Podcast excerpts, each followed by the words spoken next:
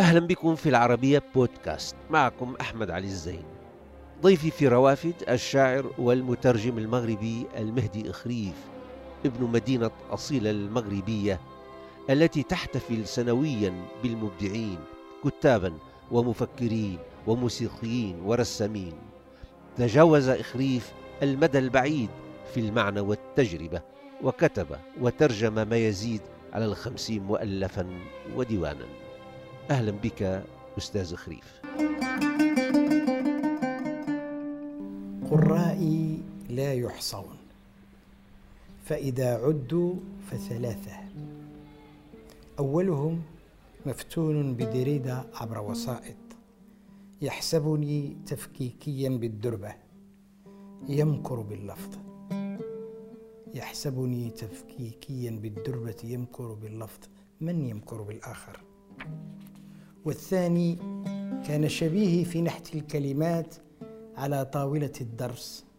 تعلم من بعد كأي موسيقي فاشل أن يملي أبياتي قبل ولادتها في جسد من كلمات. أما الثالث فنديم تخيلي حين تضيق به كأسي يأتي للسكنى بجوار صداه هنا في حضرة نصي. المهدي إخريف. صاحب البحر الآخر المطل من بعيد على بحور الخليل بن أحمد وعلى اجتماعات ليل الساحل الإسباني. وما يتسرب من شعر كتبه عرب وأندلسيون وبرتغاليون وأسبان. خلفه بلاد تتصل بمنبت اللغة يقف ليلا على شرفته شرفة بيته ويحصي الموج وما ولد من نجم ومات في سحيق الكون.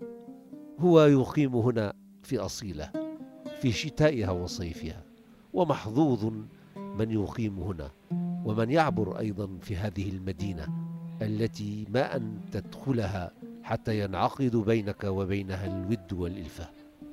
والأكثر حظا من انتبه إلى ما تشي به زرقة النوافذ والأزقة الضيقة وغموض المحيط. وهناك من اختارها لسر يعرفه وحده كما المهدي إخريف. تعتبر نفسك محظوظ أنك ابن هذه المدينة الصغيرة اللي أنا أعتبر نفسي محظوظا أنني أعيش في هذه المدينة وقد اخترت أن أعيش فيها وكان بإمكاني بحكم مهنتي في في التدريس أن أكون في مكان آخر. ولكنني بعد تطواف قصير أحسست وبعد تجربة في الرباط وفي دار بيضاء وفي أنني لم أخلق لأعيش في مدن كبيرة. حلو. أبدا. المدن الصغيرة يمكن لا أستطيع أن أعيش يمكن هي تليق أو على قياس الممسوسين بالأدب والشعر ولذلك أنا أعتبر أصيلة دائما أعتبرها بيتي. وهناك شيء إنساني خطير في هذه لا تجد في أي مكان. يعني أنت تخرج وتلتقي بالناس وتسلم على هذا وذاك. يعني وهناك تغذي يومي من هذا الدفء الإنساني وهذه الحميمية التي تجمع الجميع. وك... نعم وكأننا أسرة واحدة. ثم ثم ثم و... الاحتكاك يعني الأصيلة بتحولها إلى منصة للتشكيليين ليس أبناء والمثقفين مفكرين مبدعين موسيقيين شتى أنحاء العالم. هذا شيء مهم هذا جدا. اللي أيضا هذا التلاقح كمان خطير كما يعني هذا أستعير منك اللفظ. أنا, أنا قادم إلى هذه الكلمة. تفضل. لأقول بأن يعني وبفضل الأستاذ محمد بن عيسى بالدرجة الأولى أصبحت أصيلة مدينة فعلا متطورة جدا وللأسف الذين ولدوا في سن متأخرة لا يعرفون كيف, كان. كيف كانت المدينة. ولكن أنا أنا الذي ولدت فيه. أعرف الأصيلة في الستينات وفي السبعينات أواخر الستينات والسبعينات. أنا الذي أستطيع أن أصيلة أصبحت مدينة مختلفة جدا عما كانت عليه. ولكن شيء الأمر الأهم هو الموسم الثقافي الذي استمر إلى الآن دورته الواحدة والأربعون. وأظن أن عندما أتذكر أو أراجع في الشخصيات والتظاهرات التي نظمت في مجال الأدب في مجال الفن في مجال الموسيقى يعني تقريبا قبائل وشعوب مرت من كل العالم جاءت من هنا. بل إنها أوحت للكثيرين بكثير من الأعمال آه، في في مجال الفن أو في مجال, في مجال الشعر أو التشكيل أو غير ذلك. ومشينا مع المهدي إلى محترف صديقه يونس الخراز التشكيلي الذي كبر وموسم أصيلة. اختار المهدي دار يونس أو محترفه للتحدث عن التشكيل والشعر وعن العمارة والشعر وعن اللون والشعر عن الذي بينه وبين الحبر من سر كشف بعضه فيما كتب ولمح لبعضه الآتي. منذ البداية وأصيلة معروفة ب... ب... بولع آه، الكثير من أبنائها بالفن التشكيلي. وأيضا بوجود أساتذة للتشكيل آه، مروا بها ودرسوا بها وكما قلت طبيعة المدينة آه، أيضا تغري بهذا الأمر أنا لم يكن لي أدنى موهبة في هذا الميدان ولكن أعشق هذا أعشق نعم. الرسم وأحبه هذا شأن الكثيرين آه. وأنا أرسم بالكلمات كما يقول نعم. ويكفي هذا يكفي يعني آه. فإذا في أصيلة آه، توطدت علاقتي بالتشكيل ثم إننا في إطار العمل الثقافي هنا في المدينة وكذلك في إطار انفتاحي أيضا على أصدقاء من خارج المدينة. وكان أول عمل قمت به سنة 1970 وأنا في سن الثامن عشرة هو تنظيم معرض لرسامين محليين آه، كان يونس حينها في سن الثالثة أو الرابعة من عمره. وفي وفي نفس الوقت مع مرور الزمن آه، بتعاون مع الأستاذ محمد آه، بن عيسى ومع محمد المليحي. عملنا معارض كبيرة للفن التشكيلي في إطار الأنشطة الثقافية التي كنا ننظمها على المستوى يعني على مستوى المغرب كل سنة. وسرعان مع مع مع بداية الثمانينات آه، بدأت علاقتي بيونس وهو في بداياته وكانت بدايته قوية. آه، وكان سابقا ل يعني كان لديه نضج مبكر. أنا عشت تجربة أصيلة منذ البداية الأولى. أواخر 77 بداية أول تجربة ديال آه، أصيلة في الجداريات. شاركت فيها كطفل. مهدي اولا صديقي. من بداية تسعينات القرن الماضي. ومهدي لا أنسى أشياء كثيرة قدمها لي. مثلا أول واحد اللي كتب على الخدمه ديالي يعني كان شغفه الهامه بالفنانين الشباب في أصيلة. أنا كنت من بين ديك القلة القليلة ديال الفنانين. اهتم بشغلي. كانت علاقة جميلة قبل أن تتطور إلى ما تطورت إليه مؤخرا يعني الكتاب في شغل في شغل مشترك. في شغل مشترك هذا الكتاب علاقة الشاعر بالرسام الذي أرجعت بنا إلى آه، قرون إلى قرون قرنين وثلاث قرون آه، إلى الوراء. إلى الوراء. يعني بالنسبة للعلاقة اللي كانت آه، تشغل الفن الرسام والشاعر.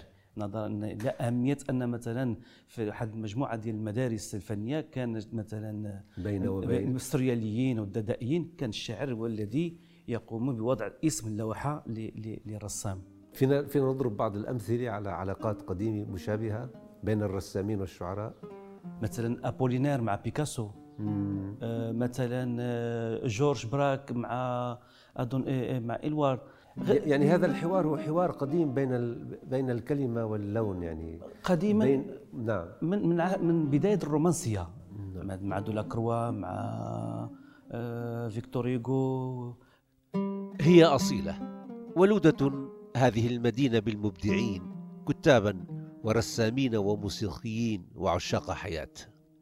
ويمكن القول إن المهدي إخريف هو من أبنائها الكبار الذين أضافوا إلى فضائها ما يثري ويتجاوز نحو البعيد في المعنى والتجربة. وذلك نتيجة لتعدده في الكتابة نثرا وشعرا ونقدا وترجمة. فهذا الممسوس بالشك القلق الذي كتب وترجم ما يفوق الخمسين كتابا في داخله أكثر من شاعر وأكثر من بلاد مطمئن في حضن مدينته الصغيرة أصيلة ليتفرغ لقلقه الشعري والإبداعي في بعض بعض الحوارات بتقول إنه أنت أتيت إلى الشعر لا, تدري كيف أتيت إلى الشعر لأنه لا أحد من الأهل أو العائلة يعني كان يهتم أو يكتب. آه، هذا السؤال بعد بتطرحه على نفسك أنه كيف من أين جئت إلى هذا العالم اللي أنت يعني تكتب وتمحو فيه أيضا؟ يعني لست مستقر نعم. ولست مطمئنا إلى ما تكتب. أنا فعلا يعني في الوسط الذي ولدت فيه يعني والدي كان فقيها يعني حافظا للقرآن الكريم ولكنه اشتغل موظفا. وفي وسطنا لم يكن هناك يعني لم يكن هناك أي اهتمام بالشعر. لكن لا أستطيع أن أفسر كيف. ربما قراءتي قراءاتي ووجود مكتبة بلدية في المدينة وهي مكتبة آه، يعني مهمة جدا كانت قد فتحت فكنت أذهب إليها وكانت لدينا مكتبة لا بأس بها في المدرسة الإعدادية ومن هناك آه، بدأت علاقتي بالشعر. وأضيف إلى ذلك أنه كان لدينا آه، أستاذ لبناني. أستاذ علوان. آه رحمه الله هذه طبعا هذه أنا أتحدث لك عن 64 65 فهو الذي كان يشجع كان يعطينا قصائد ويطالبنا بحفظها وكان يجيد إلقاء الشعر. ويقرأنا بعض النصوص من جبران وهي وليست مقررة فكان ذلك سببا في دفعي إلى واحدة من الأسباب أو أحد الأسباب. وكنت أقرأ كثيرا في المكتبة البلدية بالقصر الكبير. كان فيها أعمال لوركا كان فيها أعمال أنطونيو ماتشادو كان فيها أعمال آه، جيل لوركا جيل 27 كله كانت كانت هناك أعمال وكنت أقرأها. وفجأة وجدتني أترجم آه، آه، ما أقرأ. لأن كانت اللغة الإسبانية هي لغتي. نعم. لغة الأولى. وكانت لدينا الفرنسية أيضا غير أنني كنت آه، أميل كنت أحب الإسبانية.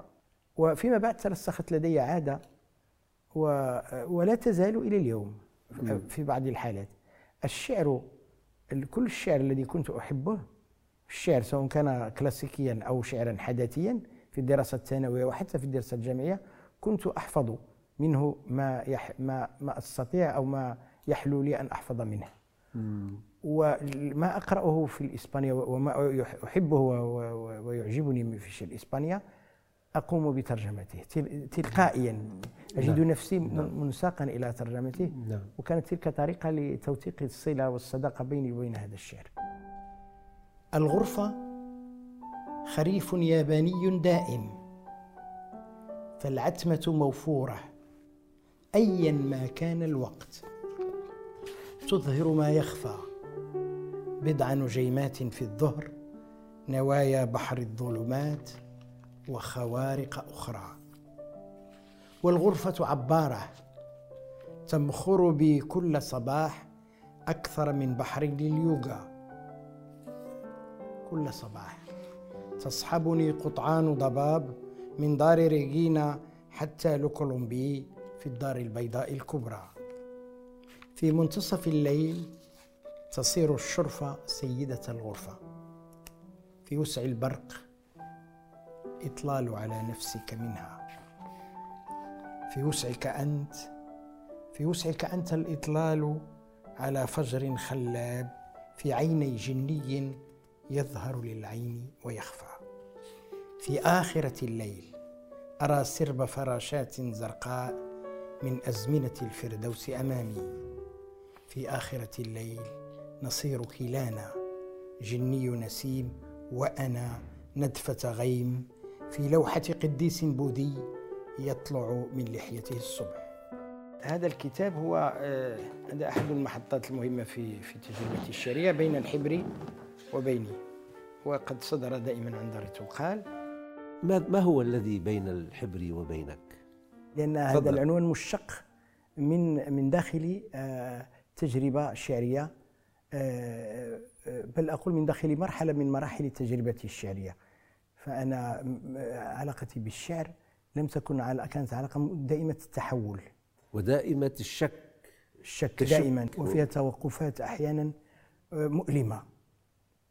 أنا كنت عرفت مرحلة توقف مرحلة توقف شعري دامت آه، ثلاث أو أربع سنوات. لم تكتب. لم أكتب فأصبت بالإحباط.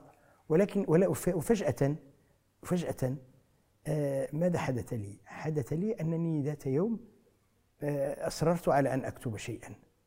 وإذا بي أجدني أجعل من موضوع التوقف نفسه من موضوع انقطاع الكتابة وانقطاع الوحي.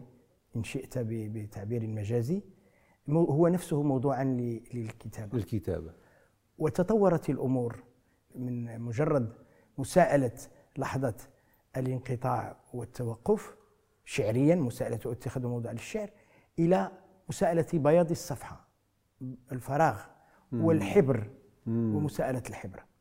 بين الحبر وبيني هو هو عمل آه، هو امتداد لاعمال ثلاثة سابقة. شمس أولى وهو قصيدة زهرة لوز من بعيد. ثم جاءت في الثلث الخالي من البياض. سلسل الخالي من البياض نعم. ثم بين الحبر وبيني وهذه كلها أعمال هذه الأعمال الثلاثة. هذه أتت بعد التوقف؟ بعد التوقف. يعني كان يعني كان هو مفيد. يعني كان في هذا التوقف إفادة لأن ترجع يعني تفيض بثلاث كتب. أفيد بثلاث كتب بحيث ج- آه، حولت التمنع القصيدة إلى قصيدة. إلى إلى إلى شغل شعري مهم. التجربة نفسها تلقائيا دفعتني إلى توليد آه، معاني آه، ف- ميتافيزيقية ل- ل- لحالة الخواء والبياض نفسه ربما هذه الفترة الانقطاع كانت فترة تأمل بال- بالتجربة وتفكر هناك أمر في غاية الأهمية فيما يخص آه، مسألة آه، كتابة الشعر. هناك درس مهم أو دروس علمتني إياها التجربة نفسها.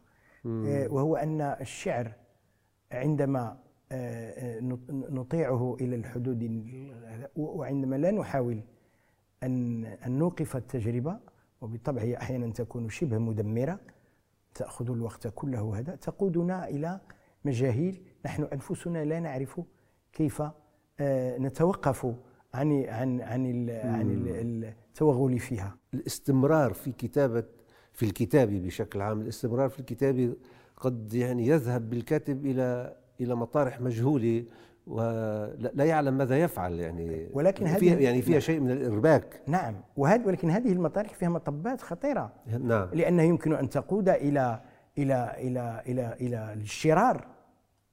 ويمكن أن توهم الشاعر بأنه يقدم نعم. فتوحات جي ولكن هو يسقط في أشياء سخيفة أحيانا وهل حدث لبعض الشعراء هذا الأمر بظنك؟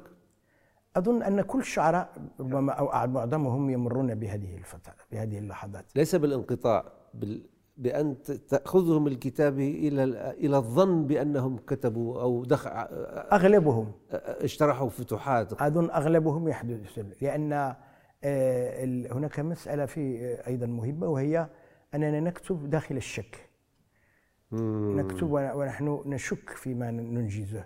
وهذا الشك آه، مهم جدا هذا الشك من ميزاتك الأساسية. أنا دائما أشك وأعد وتنقد نفسك. وأنقد نفسي وأقلل من قيمة ما ما أنجز كتبت. حتى آه، يعني حتى أستطيع أن أن أستمر.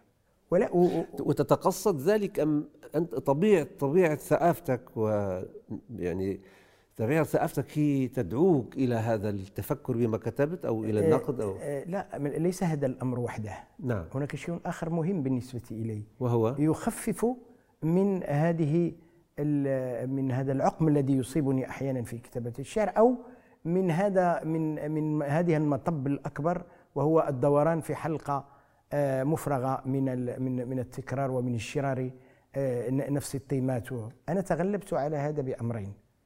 اولا آه، وجدت نفسي أنفتح من داخل الكتابة على على على من داخل الكتابة على النظر إلى آه، تصريف الطاقة الشعرية من منظور لعبي. من منظور لعبي. تحويل الكتابة الشعرية إلى لعب. وليس بالمعنى آه، الشكلاني أو أو اللعب ال- وانما اللعب الخطير. اللعب الخطير. وفي نفس في الوقت مغامرة يعني. وأيضا السخريه في مغ... نعم. وفي نفس الوقت ربط. هذا العقم أيضا بمحاوله استدعاء واستدراج الأشياء اليومية والانشغالات الصغيرة لتطعيم العمل بها.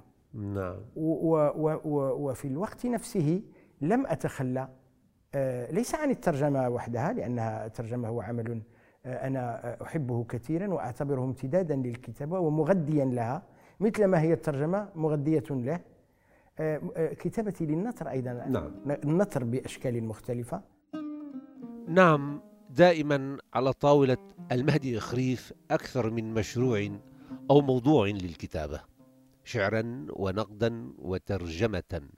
ولعل من بين أعماله غير الشعرية الملفتة هي تجربته المشتركة مع المعماري عبد الواحد منتصر.